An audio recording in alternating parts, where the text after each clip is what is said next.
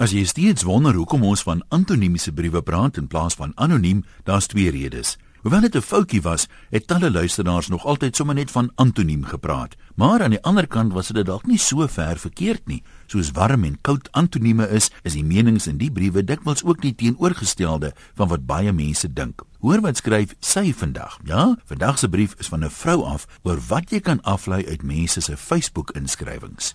Ons vier goeie nuus. Net dit. Dis al wat daar op my Facebook vriendin se muur staan en dit irriteer my grensloos. Nie omdat ek haar nie goeie nuus gun nie, inteendeel, maar hoekom nou net daarmee volstaan? Hoekom deel sy dan nie die goeie nuus met ons nie? Put sy nou genot daaruit dat almal eers moet vra en vra en vra hulle. As jy swanger, het jy 'n nuwe werk, het jy die lotto gewen? Wat het gebeur? Is daar 'n pinkvoet op pad?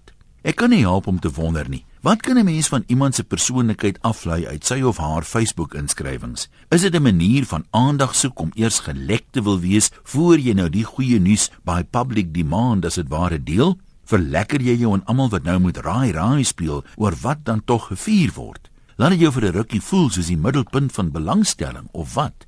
Dan is daar mense wat graag prentjies met 'n vraende gesiggie met hulle Facebook-vriende deel. Dan wonder die gesiggie I wonder if I said hello, how many of my friends will say hello back? Let's do a little experiment. Fooi tog, is dit nou nie pateties verby nie? Arme ou ekkertjie, sê tog net vir my hallo, dan kan ek voel iemand is lief vir my, al bedoel hy dit nie eers nie. Moet ek nou skuldig voel as ek nie wil deelneem aan jou simpel eksperimentjie nie? Gaan jy my aanvriend as ek so gaga wil wees? En glo jy die mense wat wel vir jou terug hallo sê, kom dit ooit by jou op dat die meeste van hulle waarskynlik by hulle self dink, ag sê tog net hallo vir hierdie armsalige vrou sodat sy kan ophou teem, want ja, dit is hoofsaaklik vrouens wat dit doen.